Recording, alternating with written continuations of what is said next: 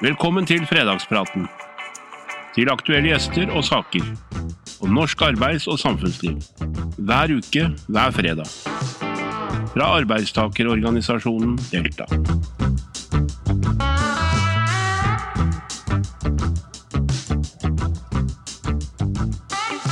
Hei og velkommen til en eh, ny fredagsprat. Det er en eh, aktiv tid for mange, ikke minst for det politiske Norge, som behandler revidert budsjett. Det er mye som skjer på den politiske dagsordenen, og derfor er det kjempehyggelig og veldig ærefullt å ha landets eh, samferdselsminister, Jon Ivar Nygaard, som ukens gjest i Fredagspraten. Velkommen, Jon Ivar Nygaard. Tusen takk for det. Veldig hyggelig å bli invitert. Trond Ellefsen, alltid hyggelig. Fra en uke med mye forhandlinger, nå er du her. Har, har du kontrollen? Eh, ja. Eh, nei, det tror ikke jeg. vi- Det er i kveld og i natt det skal skje, tenker jeg. Ja. Da det blir spenning. Vi har eh, lagt eh, bak oss eh, Jon Ivar Nygaard, medlem av regjeringen, samferdselsminister, en ganske aktiv eh, periode. Vi står oppe i et krevende paradigmeskifte i verden. Det er krig i Europa. En regjering er mm, i fokus 24-7. Du har vært samferdselsminister i over, eh, litt over 200 dager. Mm. Før det så var du nyvalgt stortingsrepresentant, mangeårig ordfører i Fredrikstad, Plankebyen kjent som en veldig folkekjær, eh, solid Fredrikstad-patriot. Hvis du skulle oppsummere de ukene, dagene du liksom nå har vært både samferdselsminister og alt det du har vært igjennom, hva, hva, hvordan kan du beskrive det? Jeg vil jo si at det har vært en, eh, en reise som har vært eh, både lærerik og krevende. Eh, Nå er jo overgangen fra lokalpolitikk til rikspolitikk stor i utgangspunktet, men det er vel ikke noe tvil om at vår regjering da i løpet av disse månedene har fått mange saker å ta tak i. Kanskje litt flere enn man hadde sett på seg i forkant. For det er klart Én ting var jo at vi fikk en uh, ny turn på pandemi. Det var jo svært krevende, og det var jo uh, eh, selvfølgelig elementer i det som også prega min sektor. Uh, da fikk vi jo selvfølgelig ny nedstengning, og vi fikk eh, oppfordringer om å ikke bruke kollektivtransporten, og da måtte man selvfølgelig på nytt eh, gå inn med kompenserende tiltak for den sektoren. Og så har vi jo eh, også hatt eh, energikriser, eh, strømkriser, som fortsatt eksisterer, som jo har vært veldig omfattende for eh, regjeringen å håndtere. Og så har det jo nå vært krigen i Ukraina som på nytt da har satt en ny dagsorden. Og det setter også sitt preg på både hvordan vi skal prioritere framover, og um, det setter sitt preg på egentlig eh, hele internasjonale politikken, men eh, også helt ned på det lokale, hvordan vi rigger oss i hverdagen, og hvordan penger brukes, hvordan det slår inn i vår enkeltes økonomi. Så dette er jo veldig sammensatt. Men, men det å være statsråd, altså medlem av Kongens råd, da har du på en måte en dagsorden som media, altså litt andre aktører enn deg og dine folk i departementet setter. Men samtidig skal du tenke langsiktig, du skal tenke øh, levere i forhold til det regjeringsplattformen og det partiprogrammet du gikk til valg på. Liksom, jeg mener, Det er jo ganske krevende oppgave, dette her. Hvordan, hvordan henter du motivasjonen og overskuddet til å håndtere alle de krevende dagene? og det, En bør ikke akkurat være rakettforsker fra Gjerdum for å si at regjeringa har ikke hatt det like lett alltid disse 200 dagene.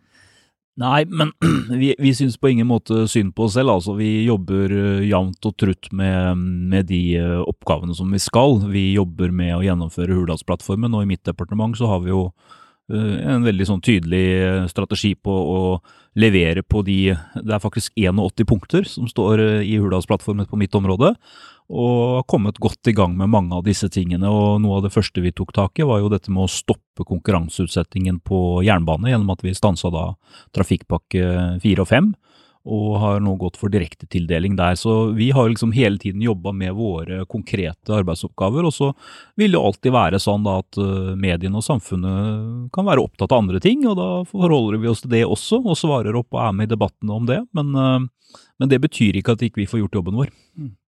Ja, Trond, du har jo møtt eh, Jon Ivar tidligere som ordfører i Fredrikstad. Nå møter du han som samferdselsminister.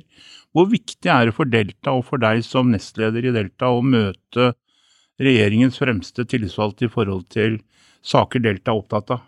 Ja, det er veldig viktig at uh, vi møtte jo så mange statsråder som vi kan, vi. Og etter vi ble en, eh, en breddeorganisasjon innenfor offentlig tjenesteytelse, så har vi også fått mange medlemmer innenfor samferdsel. Mm. Både jernbane, eh, Avinor, har vi mange medlemmer. Så det er veldig viktig for oss hva som skjer med disse jernbanepakkene og, og, og i Avinor og alt mulig. Mm. Men det er jo litt paradoks, om jeg får lov å si, da, at eh, når man skulle effektivisere kommunene, så skal man samle de i større enheter, større kommuner. Man skulle effektivisere jernbanen, så du kan splitte det opp i flest mulig små selskap. Så det er litt, eh, litt paradoks hvordan man, eh, Mm. man skal eh, reformere ting, da. Eh, Så eh, jeg tror ikke at denne oppsplittinga har vært så veldig heldig, da. Nå er jeg ikke noen togmann, jeg kommer fra Ålesund, der går det tog bare én gang i året. Vi har lite med jernbane. Men eh, NSB, det er jo på en måte Det er litt sjung over det, da. At vi har en stor aktør istedenfor ekstremt mange små. Du kan jo ikke kjøpe en sånn eh, gjennomgangsbillett engang. Du må jo kjøpe billetter med fire, fem, seks selskap hvis du skal eh, reise en forholdsvis lang strekning. Nå, da. Og det blir jo forvirrende for folk som skal ta tog. da. Ja, Jon Ivar Nygaard, vi eh, i Delta organiserer jo store grupper innenfor samferdselssektoren. Både i Delta luftfart gjennom Avinor og Delta jernbane, hvor vi både har lokomotivførere, kontrollører og teknikere. Hvor betydningsfullt er det for deg og regjeringen å ha kontakt med de ansatte og deres organisasjoner i de store omstillingsprosjektene som du og regjeringen nå legger opp til når det gjelder eh, samferdselssektoren? Du nevnte jo jernbanereverseringen, som eh, definitivt ikke har vært noe suksess fra tidligere regjeringer. Du står oppe i en eh, Prøver å rydde opp i et helt ukontrollert, liberalisert drosjemarked i Norge, Mm. Som rammer vanlige arbeidsfolk. Eh, Hvor betydningsfullt er kontakten med f.eks. fagbevegelsen og Delta jernbane og Delta luftfart i det perspektivet?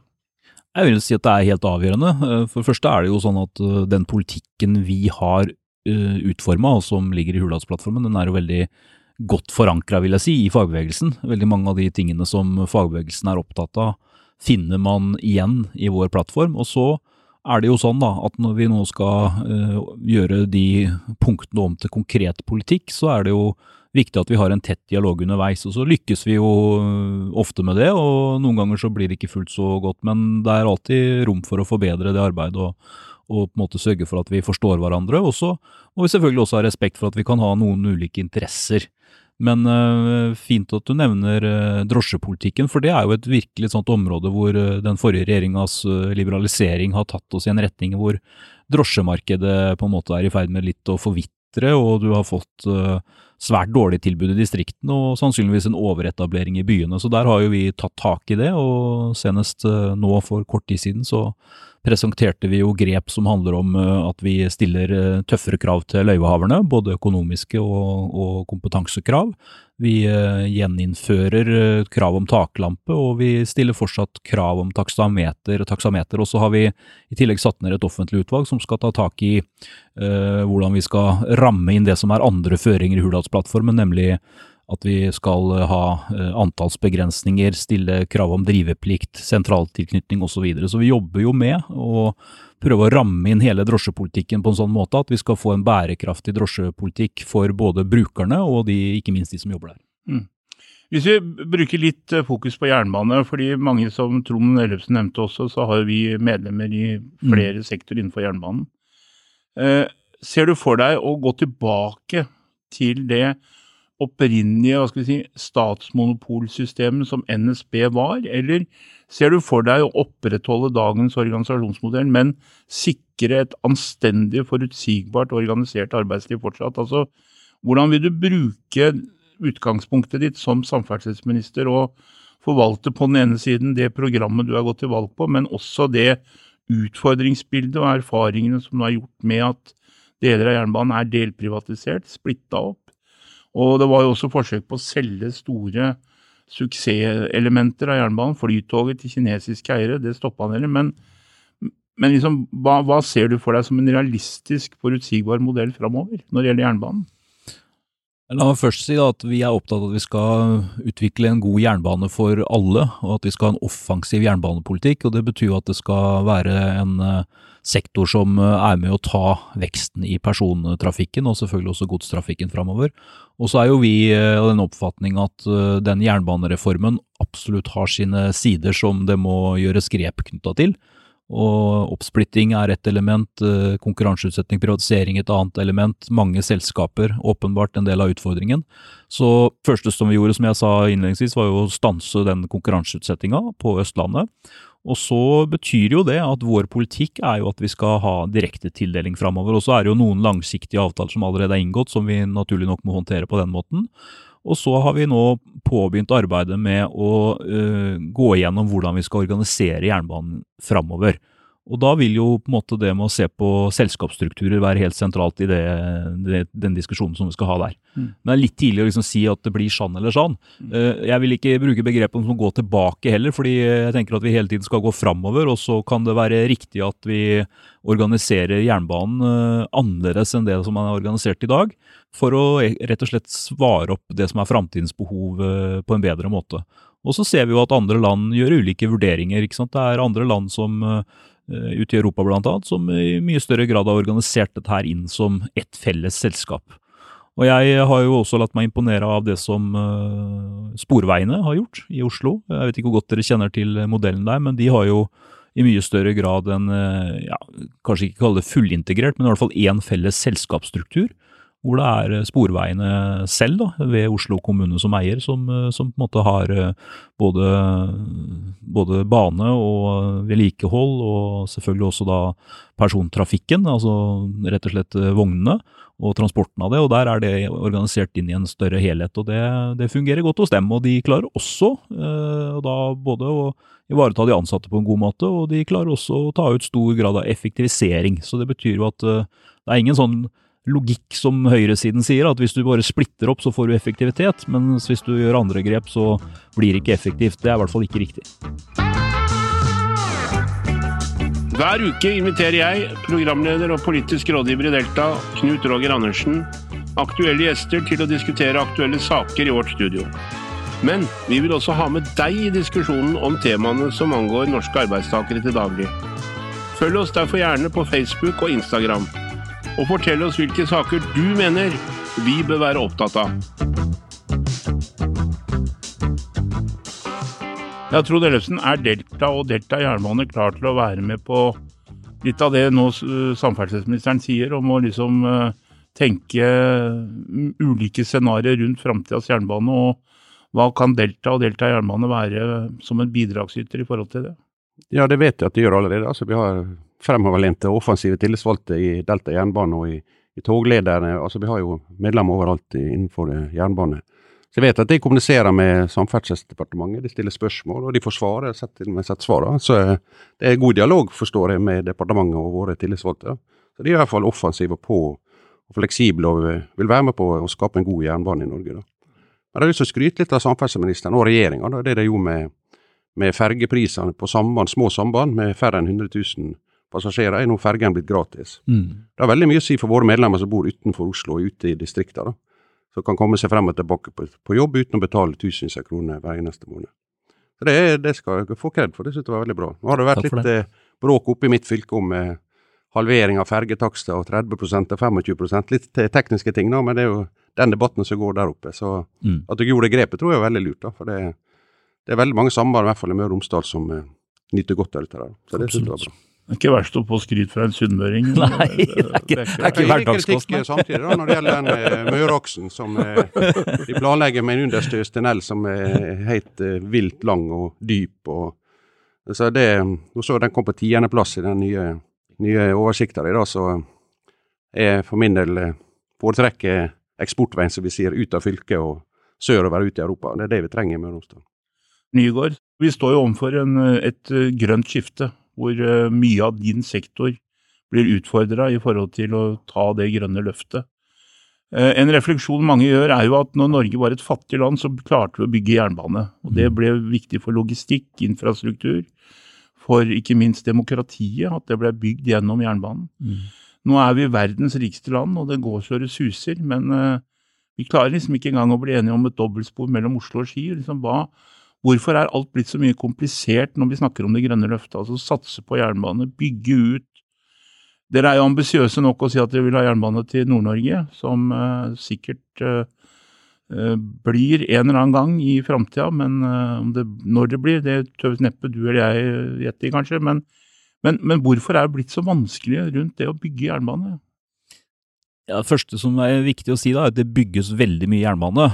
Men det som vel er ja, Hvorfor er det sånn? Ja, jeg tenker at Det er to, to hovedgrep, da, eller to hovedutviklingstrekk som gjør at det nå tar lengre tid og er veldig mye mer omstendelig. Det er jo at fra, hvis vi går tilbake til Bergensbanen, altså man bestemte seg å bruke et helt statsbudsjett på å bygge jernbane, og så rulla man ut.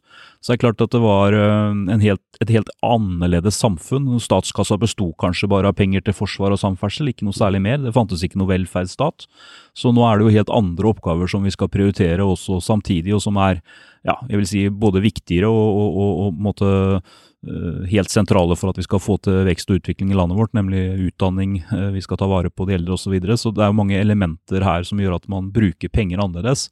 Og så er det jo det viktige perspektivet at mens man eh, kanskje for noen hundre år siden ikke brydde seg så veldig mye om hva folk mente om ting, Altså Det fantes ikke noen plan- og bygningslov, det fantes ikke noen prosesser som sørga for at folk ble hørt. Uh, mens i Norge i dag har vi jo uh, rigga oss med veldig omfattende medvirkningsprosesser. Uh, og det er jo et gode i og for seg, men, og som jeg støtter, men som jo også har den siden ved seg at beslutninger tar veldig lang tid. da. så vi kan jo bruke f.eks. et veldig sånn dagsaktuelt eh, eksempel på det. Nå er jo snart eh, den Blikstunnelen ferdig, altså den eh, nye jernbanetunnelen, som Follotunnelen som han heter. Og den ble vel da påbegynt for nesten ti år siden, og sikkert planlagt da ytterligere fem til ti år før det igjen. Så det bare viser jo hvor lang beslutningstid og hvor lang ledetid det er på å gjennomføre samferdselsprosjekter. Mm. Det er en utfordring. Uh, og en utfordring for oss i Samferdselsdepartementet er jo hele tiden å jobbe med at vi skal få mest mulig ut av de pengene som vi bruker.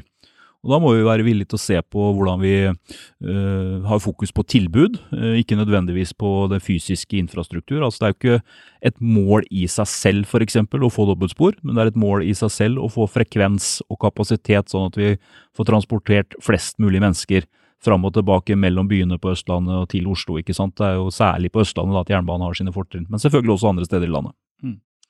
Jon Ivar, vi har jo vært akkurat nå, eller vi, vi er fortsatt oppe i en pandemi som mm. har rammet en hel verden, et helt folk. Mange av Deltas medlemmer innenfor Delta luftfart, jernbane og andre sektorer har stått i førstelinje. De har håndtert transportgrunnlaget. Mange har vært permittert i perioder pga. redusert eh, aktivitet. Eh, mange har vært utsatt eh, for smitte i form av at de er nære passasjerer, mennesker som må av forskjellige grunner bevege seg. Hva tenker du om, eh, om betydningen av alle de som har lagt ned arbeid, bl.a. i våre rekker og medlemsrekker, i denne perioden? og liksom, hva, hva, hva reflekterer du og regjeringen mm. rundt den innsatsen? Først og fremst så vil jeg jo eh, si at vi eh, er veldig takknemlige for den innsatsen som alle som har vært i førstelinje har eh, stått for.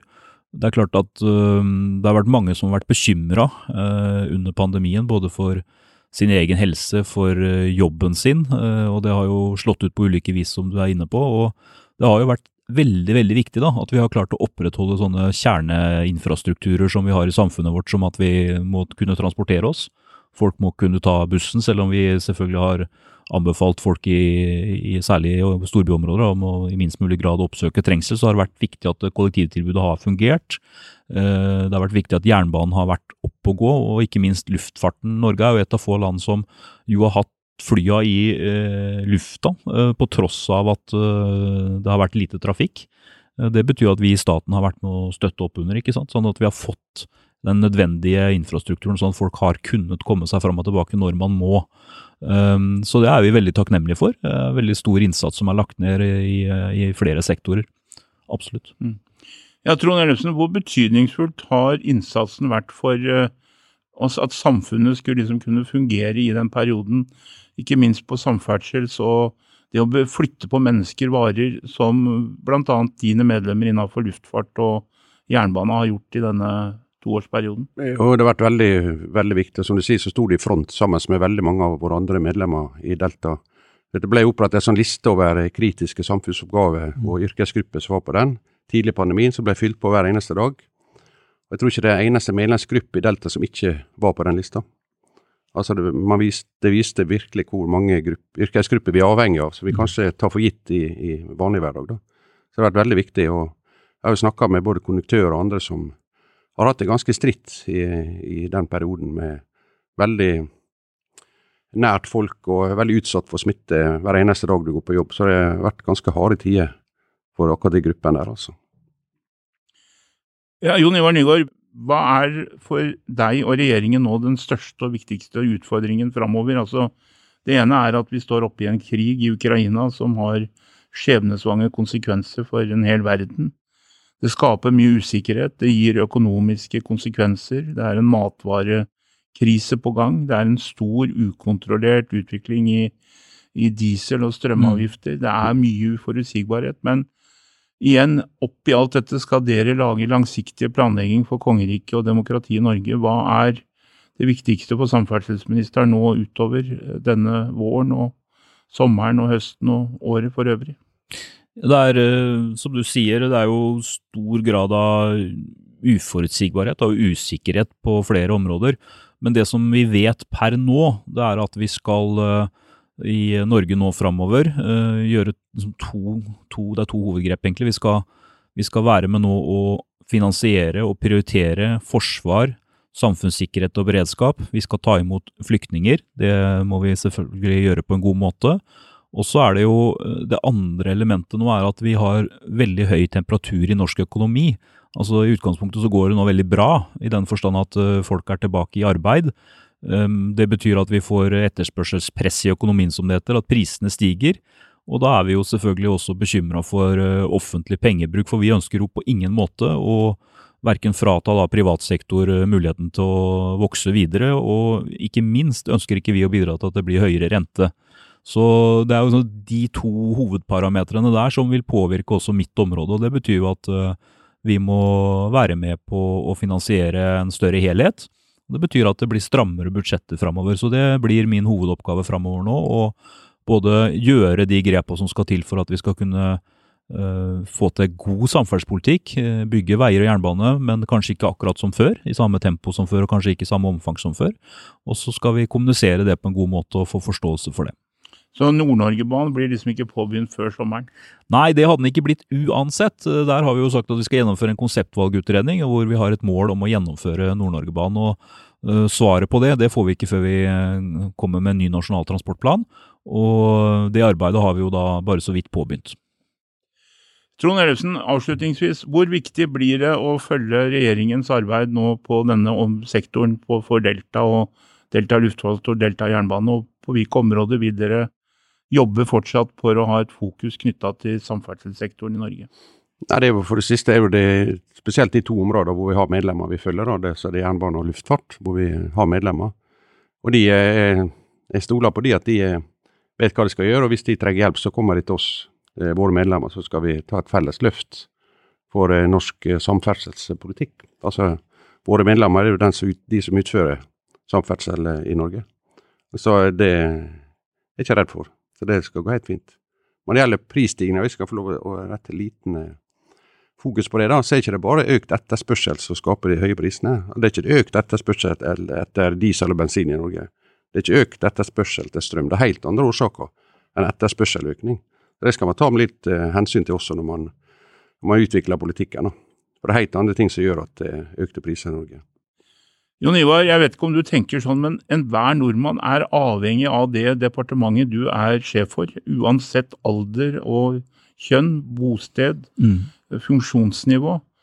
Eh, fordi folk skal bevege seg enten fra A til B, enten i form av bil, sykkel, mm. gå på et fortau, ta tog eller buss eller fly. Får du sove om natta når du har liksom en sånn jobb at hjelpe meg, i dag har jeg ansvar for over fem millioner mennesker som skal bevege seg. Ja, jeg sover godt om natta. Eh, det er eh, egentlig nesten en forutsetning tror jeg, for å kunne ha den type oppgaver. Det betyr ikke at jeg ikke tar inn over meg det at det er et betydelig ansvar. Men om natta så bør du helst sove hvis du kunne takle det ansvaret resten av døgnet. Så det er veldig viktig, faktisk. Det syns jeg er en veldig god oppsummering av en veldig fin samtale med en meget sindig, jordnær og skikkelig samferdselsminister. Jeg har også lagt merke til at eh, det har vært litt støy rundt en del av dine medkollegiale departementer og statsråder, men eh, jeg har inntrykk av at du har orden i ditt hus. Så det har vært et stort privilegium å ha deg som gjest, samferdselsminister Jon Ivar Nygaard. Lykke til videre på jobben og ferden og veien, enten det er sånn eller sånn. Tusen takk, Trond, for at uh, du kom innom i en innspurt av mange ting som skjer denne uka, med forhandlinger og det ene. Og til deg som har sett eller hørt på, tusen takk for at du var med. Ha en god helg, og så ses vi neste uke. Ha det bra. Takk for at du lyttet til Fredagspraten. Hvis du har lyst til å vite mer om Delta, så kan du besøke vår hjemmeside www.delta.no, eller også finne oss på sosiale medier. Du finner lenken i episodebeskrivelsen. God fredag og god helg!